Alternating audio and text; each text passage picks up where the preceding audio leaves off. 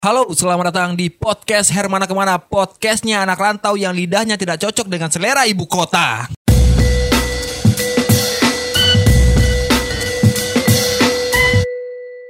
Wuh, Akhirnya kembali lagi Saya tidak pernah se- sesemangat ini ya Karena Sepertinya di po- di podcast di konten podcast ini tuh podcast post podcast di konten podcast ini saya lebih eh, bersuara ten- tentang hal apa pun yang ada di benak saya dan segala sesuatu yang pernah saya alami di ibu kota ini yang mungkin membuat saya merasa shock culture. Asik. Di pembahasan kali ini kita akan bahas tentang kuliner. Wah, mungkin eh, Anda anak rantau juga pernah merasakan shock culture dengan menu-menu makanan yang Anda temui di daerah perantauan Anda. Nah, eh, saya ini adalah perantau dari eh, kampung. Saya orang kampung sekali. Saya orang Padang yang tinggal bisa dibilang itu perbatasan lah. Itu bukan Padang kota. Ya mungkin Anda sudah dengar podcast sebelumnya saya menceritakan tentang rumah saya. Eh, ketika saya pindah ke Jakarta, saya itu mengalami shock culture pertama eh, menu utama apa menu pertama yang saya makan di ibu kota yang membuat saya itu menjadi langsung kangen kampung halaman adalah nasinya. Ya di podcast sebelumnya sudah pernah diceritakan juga kalau nasi di Jakarta itu nasi pulen nasi nasi lunak. Nah ini orang-orang Jakarta suka makan nasi yang lunak-lunak itu. Kalau di kampung saya itu beras perah saya tidak tahu kenapa di Jakarta bahkan banyak sekali teman-teman saya yang saya temukan adalah mereka yang tidak terlalu suka dengan eh, nasi perah, tapi lebih memilih makan dengan nasi pulen. Nah, kalau saya sekasih bisa mungkin pakai nasi perah. Nggak bisa saya makan nasi pulen tuh nggak nggak terlulur dia di, di leher saya nih ya. Paham nggak sih maksudnya kayak awal-awal itu saya harus merasa kayak hmm ya ini yang harus saya saya hadapi di ibu kota ini yang harus saya makan tidak usah mengeluhin kamu anak perantauan kamu tidak punya cukup banyak uang untuk memilih menu-menu makanan yang ada di Jakarta jadi saya harus membiasakan diri Hmm. dan di Jakarta ini saya juga banyak menemukan menu-menu baru yang mana menu itu tidak lazim bagi lidah dan juga lambung saya. Pernah gak sih ketika Anda makan sesuatu terus Anda ngerasa kayak lambung Anda ini berbicara kayak, wow benda apa ini majikan? saya tidak pernah mengolah benda ini sebelumnya. Yang kamu olah hanya nasi padang, gulai toco, sambal lado, pade-pade. Kenapa di sini kecap semua? Kenapa ini manis, hei? Mana ini? Kayak ini nih. Kadang ya, banyak orang berpendapat masakan Padang itu pedas-pedas. Enggak. Kami itu orang Padang suka makan pakai lado. Eh, suka makan pakai cabe. Bukan, bukan sambal, tapi eh, lado, cabe. Cabe dalam artian sambal itu kan mungkin di Jakarta itu sambal cocol, ini ayam balado, ikan balado. Nah, kita itu suka makan makanan yang ada unsur ladonya, cabenya itu. Bukan berarti kita menyukai makanan-makanan yang pedas. Kalau misalnya Anda tanya saya di mana daerah yang eh, suka makan-makan pedas, eh, Lombok. Lombok tuh emang ekstrim iya. Lombok itu namanya saja Lombok. ya, namanya saja Lombok gitu. Nah, menurut saya orang Padang itu bukan suka makan pedas tapi suka makan pakai lado. Ini ada sebuah cerita eh kebanyakan orang tua orang tua yang di Padang, terutama yang di dekat-dekat rumah saya, itu akan sangat bangga, akan sangat merasa anaknya itu sudah besar ketika si anak itu sudah bisa makan pakai lado, sudah bisa makan pakai cabe ya. Bukan karena anaknya itu sudah bisa berpikir satu tambah satu sama dengan dua. Tapi ya, iya, nah iya kayak gitu. Jadi orang-orang orang orang-orang Padang itu, ibu-ibu Padang itu akan mengapresiasi se- seorang anak ketika anak itu sudah makan pakai lado kayak wah udah besar ya anak ya udah bisa makan pakai lado ini ya. Udah pintar kamu nih berapa? Dua tambah dua tiga juta lima ratus ya. Tidak peduli. Kalau edukasi soal oh hitung-hitungan matematika atau pelajaran-pelajaran yang lain itu eh, mungkin di sekolah. Tapi kayaknya skill yang harus dimiliki oleh orang Padang adalah dari kecil kita harus terbiasa makan pakai lado. Karena ada semacam bullying kalau misalnya kamu orang Padang dan tidak suka makan pakai lado. Nah, saya juga pernah menemukan teman-teman yang kalau makan itu tidak pakai lado itu diceng-cengin gitu kayak, "Uh, udah gede belum bisa makan pakai lado, belum wah pindah aja kamu ke Jawa. Orang Jawa kamu nih. bukan rasis, itu bukan rasis ya. Maksudnya kan teman-teman di Jawa lebih suka makan yang manis-manis gitu. Oh ya ada lagi cerita deh. Waktu awal sebelum ke Jakarta saya tuh pernah eh, bukan merantau sih itu lebih tepatnya, tapi tinggal di eh, Jogja eh, karena saya ingin mengikuti kuliah di salah satu kampus yang ada di Jogja yaitu ISI Institut Seni Yogyakarta. Nah di sana itu pertama kali saya makan gudeg. Hmm. Hmm, saya tidak bilang gudeg itu tidak enak ya, tapi tidak cocok dengan lidah saya. Ini mohon maaf sekali nih para para teman-teman semua yang uh, pecinta gudeg. Halo teman-teman gudeg holik ya, yang gudeg fans club atau gudeg familia eaters ya. Saya saya mohon maaf sekali, saya tidak bilang makanan gudeg itu tidak enak, tapi saya tidak cocok dengan gudeg karena terlalu manis sehingga membuat saya menjadi libak. Eh libak. apa sih libak? Uh, iya enak. Saya saya nggak bilang ini mungkin akan akan terjadi kontra ya, tapi ya sebaiknya saya jujur kalau salah satu menu yang tidak bisa saya makan adalah saat ini gudeg karena apa ya kata kuncinya ya sehingga tidak menyinggung orang ya. Hmm, ya intinya nggak cocok. Ah beda selera ya bagus bagus bagus. Beda selera ya. Jadi menurut saya nggak apa-apa lah kalau saya nggak suka gudeg. Tapi gudeg adalah makanan khas dari Jogja ya. Jogja atau Jawa itu? Nggak nggak nggak tahu ya. Saya juga nggak tahu. Pokoknya mungkin ada juga pernah makan gudeg. Hmm. Jadi kan saya dari Padang. Kuliner-kuliner di Padang itu kita tahu sangat enak-enak sekali ya. Banyak Pokoknya dunia pernah uh, mengklaim apa meng, mengklaim bilang kalau randang adalah makanan terbaik nomor satu di dunia. Terenak, terenak nomor satu di dunia itu ada beritanya itu dari bukan hampir diambil Malaysia, tapi memang di Malaysia itu orang juga bikin randang. Tapi tetap yang paling lama ya randang Padang dong. Iya. Yeah. Saya, saya tidak ingin ada perpecahan di sini. uh, kenapa bahasa randang tadi ya? Oh ya randang, karena kan masakan-masakan di Padang itu bumbunya kuat-kuat, apa uh, rempah-rempah, kaya akan rempah-rempah. Kalau misalnya makan gula itu kerasa ininya. Kalau makan sop, makanan Padang yang manis. Hmm, apa ya makanan Padang yang manis ya? Iya, saya belum pernah. Oh, bentar, Makanan Padang yang manis. Hah? Oh ada makanan pisang yang manis. Uh, pisang susu. Iya kan, pisang susu manis kan? pisang susu Bukit Tinggi yang di apa namanya? Bukan, bukan, bukan. Pisang susu ada pisang bakar susu di di Bukit Tinggi. Pisang bakar kasih susu dikasih roti gabin. Wah, itu mantap sekali tuh cemilan itu. Apa ya, menu makanan menu-menu besar makanan yang makanan Padang yang manis. Kayaknya saya belum pernah nemu deh. Belum pernah kan? Pernah makan? Belum pernah. Apa? Ayam. Oh ya, bahkan menu ayam kecap yang harusnya manis kok kayak nggak nggak manis kecap? Paham gak sih? Iya kan? Paham? Bukan bukan manis kecap. Ya itulah intinya. Masakan masakan padang itu uh, full dengan full. Kenapa bilang full? Penuh dengan uh, cita rasa yang rempah-rempahnya itu kuat. Itu menurut saya ya.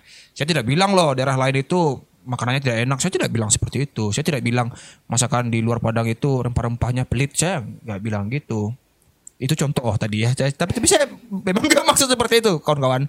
Ah, saya masih pengen selamat. Aduh, makan. Oh ya, yang di Jakarta, makanan aneh yang ada di ibu kota. Hmm, apa ya? Kalau yang di Jakarta nasi, nasi itu nasi pulen. Eh, apa ya makan makanannya paling? Makanan. Oh enggak enggak. Kalau makanan aneh saya lupa. Oh ini deh. Bubur. Bubur itu saya dulu saya nggak suka bubur. Bubur ayam. Bubur ayam. Aneh. Bubur ayam. Lah apa sih? Kenapa ada bubur dikasih ayam? Aneh sekali gitu.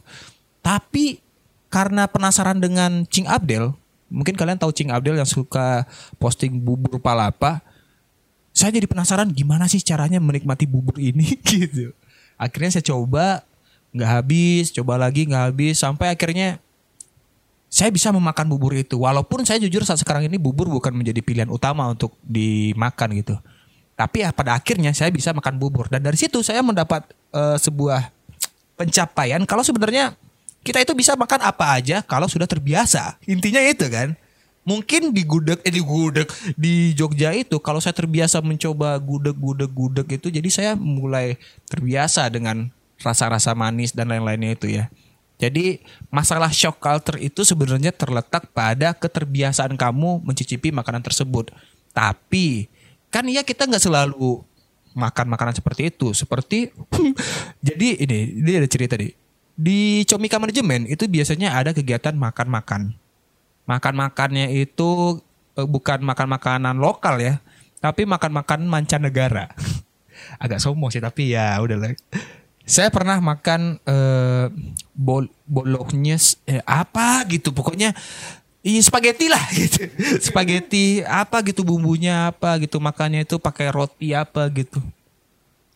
Makan terus saya berpikir kayak oh ini yang digadang-gadangkan oleh luar negeri makan bolognese. Oh, ini adalah makan makanan oleh para Instagram Instagram yang sumpah pengen meninggal. Ternyata pengen meninggal dalam makna sebenarnya karena tidak cocok. Makanan apa ini? Saya tidak bisa. Tapi itu itu tadi saya ingin melepas rasa penasaran saya dengan memakan makan itu. Oh ini satu lagi. Saya kemarin itu pernah bikin konten kulinerin itu makan eh, papeda. Arif Brata dia sudah terbiasa dengan makan itu, jadi dia makan aja gitu. Saya sumpah saya tidak terbiasa ya, saya tidak biasa saya makan terus sampai di leher itu kayak guling guak guling guak ayo telan naik lagi dia tidak bisa. Kenapa tiba-tiba ada ada kumbang? Ya, itu kalau di Cina itu di dimakan.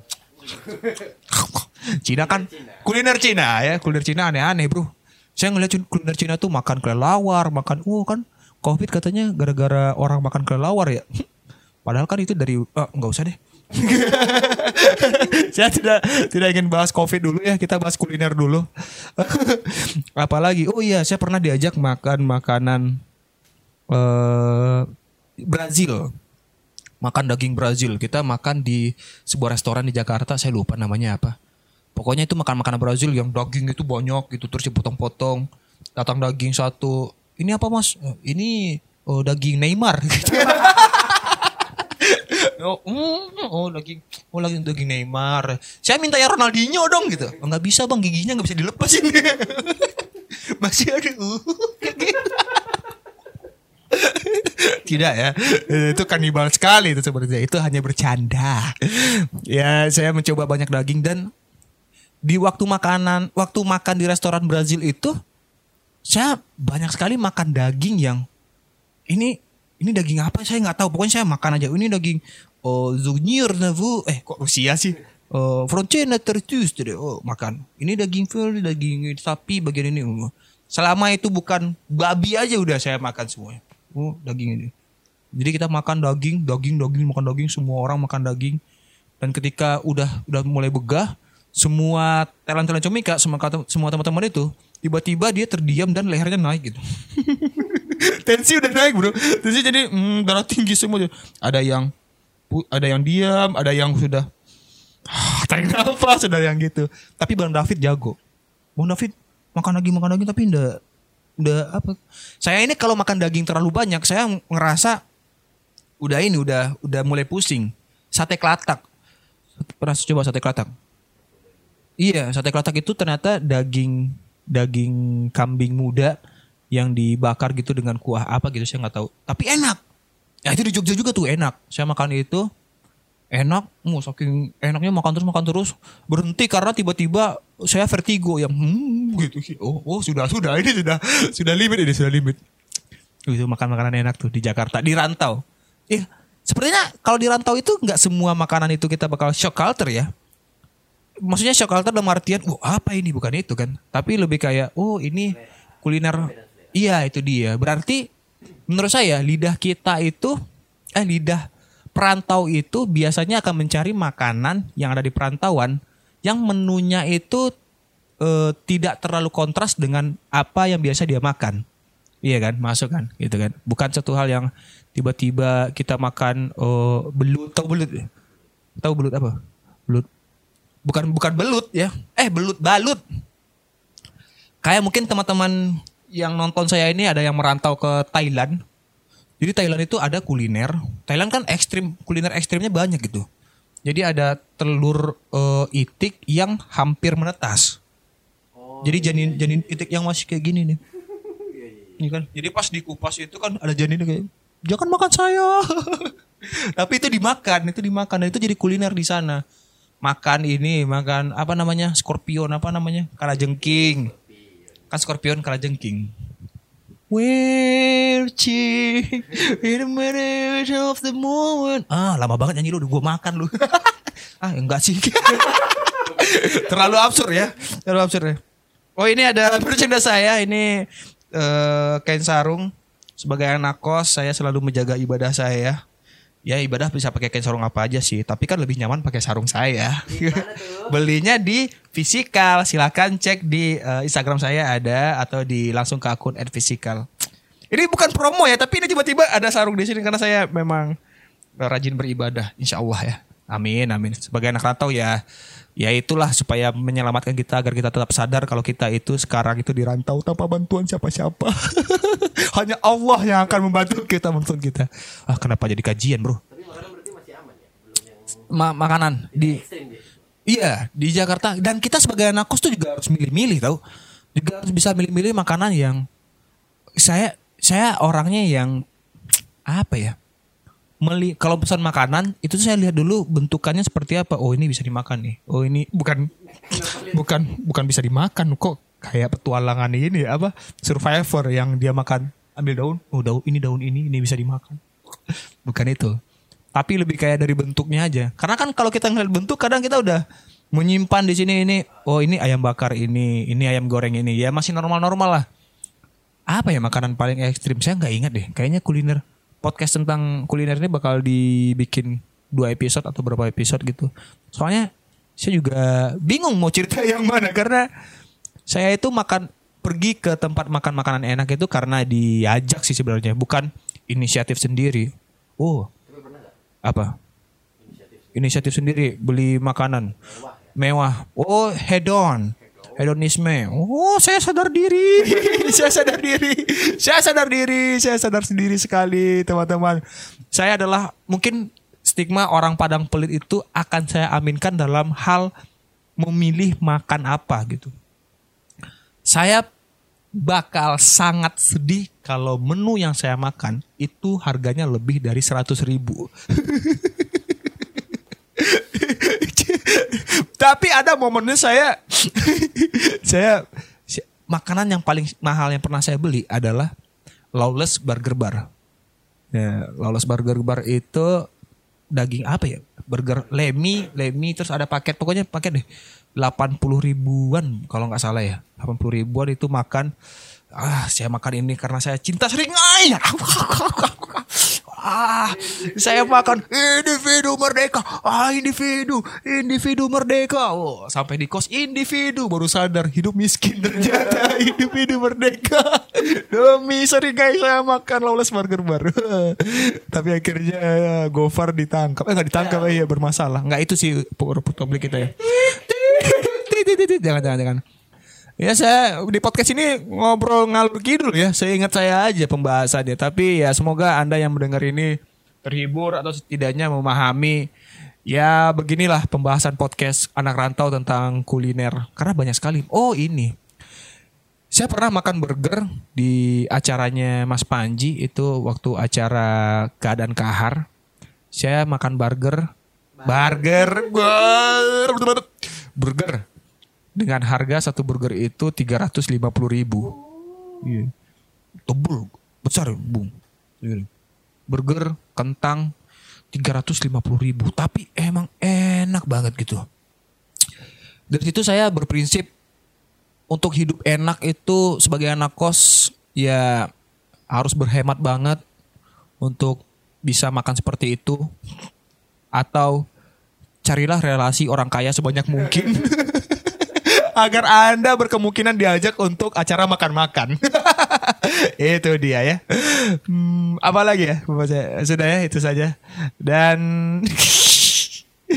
sebenarnya topik tentang perantauan ini seru dibahas sekali. Banyak hal-hal yang pengen saya bahas. Tapi ya di podcast ini saya mencoba untuk menceritakan hal-hal di permukaan saja.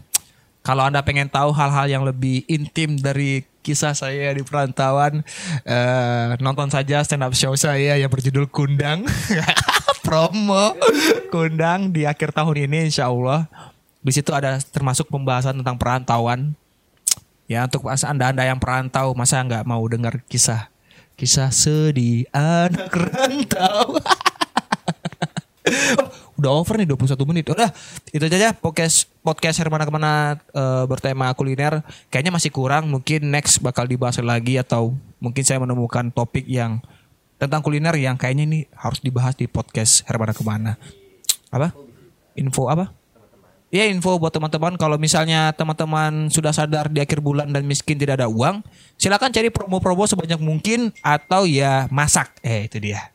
Jangan jangan hedon ketika Anda miskin dan berzakatlah ketika Anda punya rezeki. Waduh, baik sekali Rin Hermana. Saya Rin Hermana pamit dan jika Anda punya cerita tentang kuliner atau apa pun silakan tulis di kolom komentar dan Anda pengen cerita tentang apa dengan di podcast Hermana Ke mana ini silakan tulis juga di komentar. Ah, terima kasih. Drop the bike.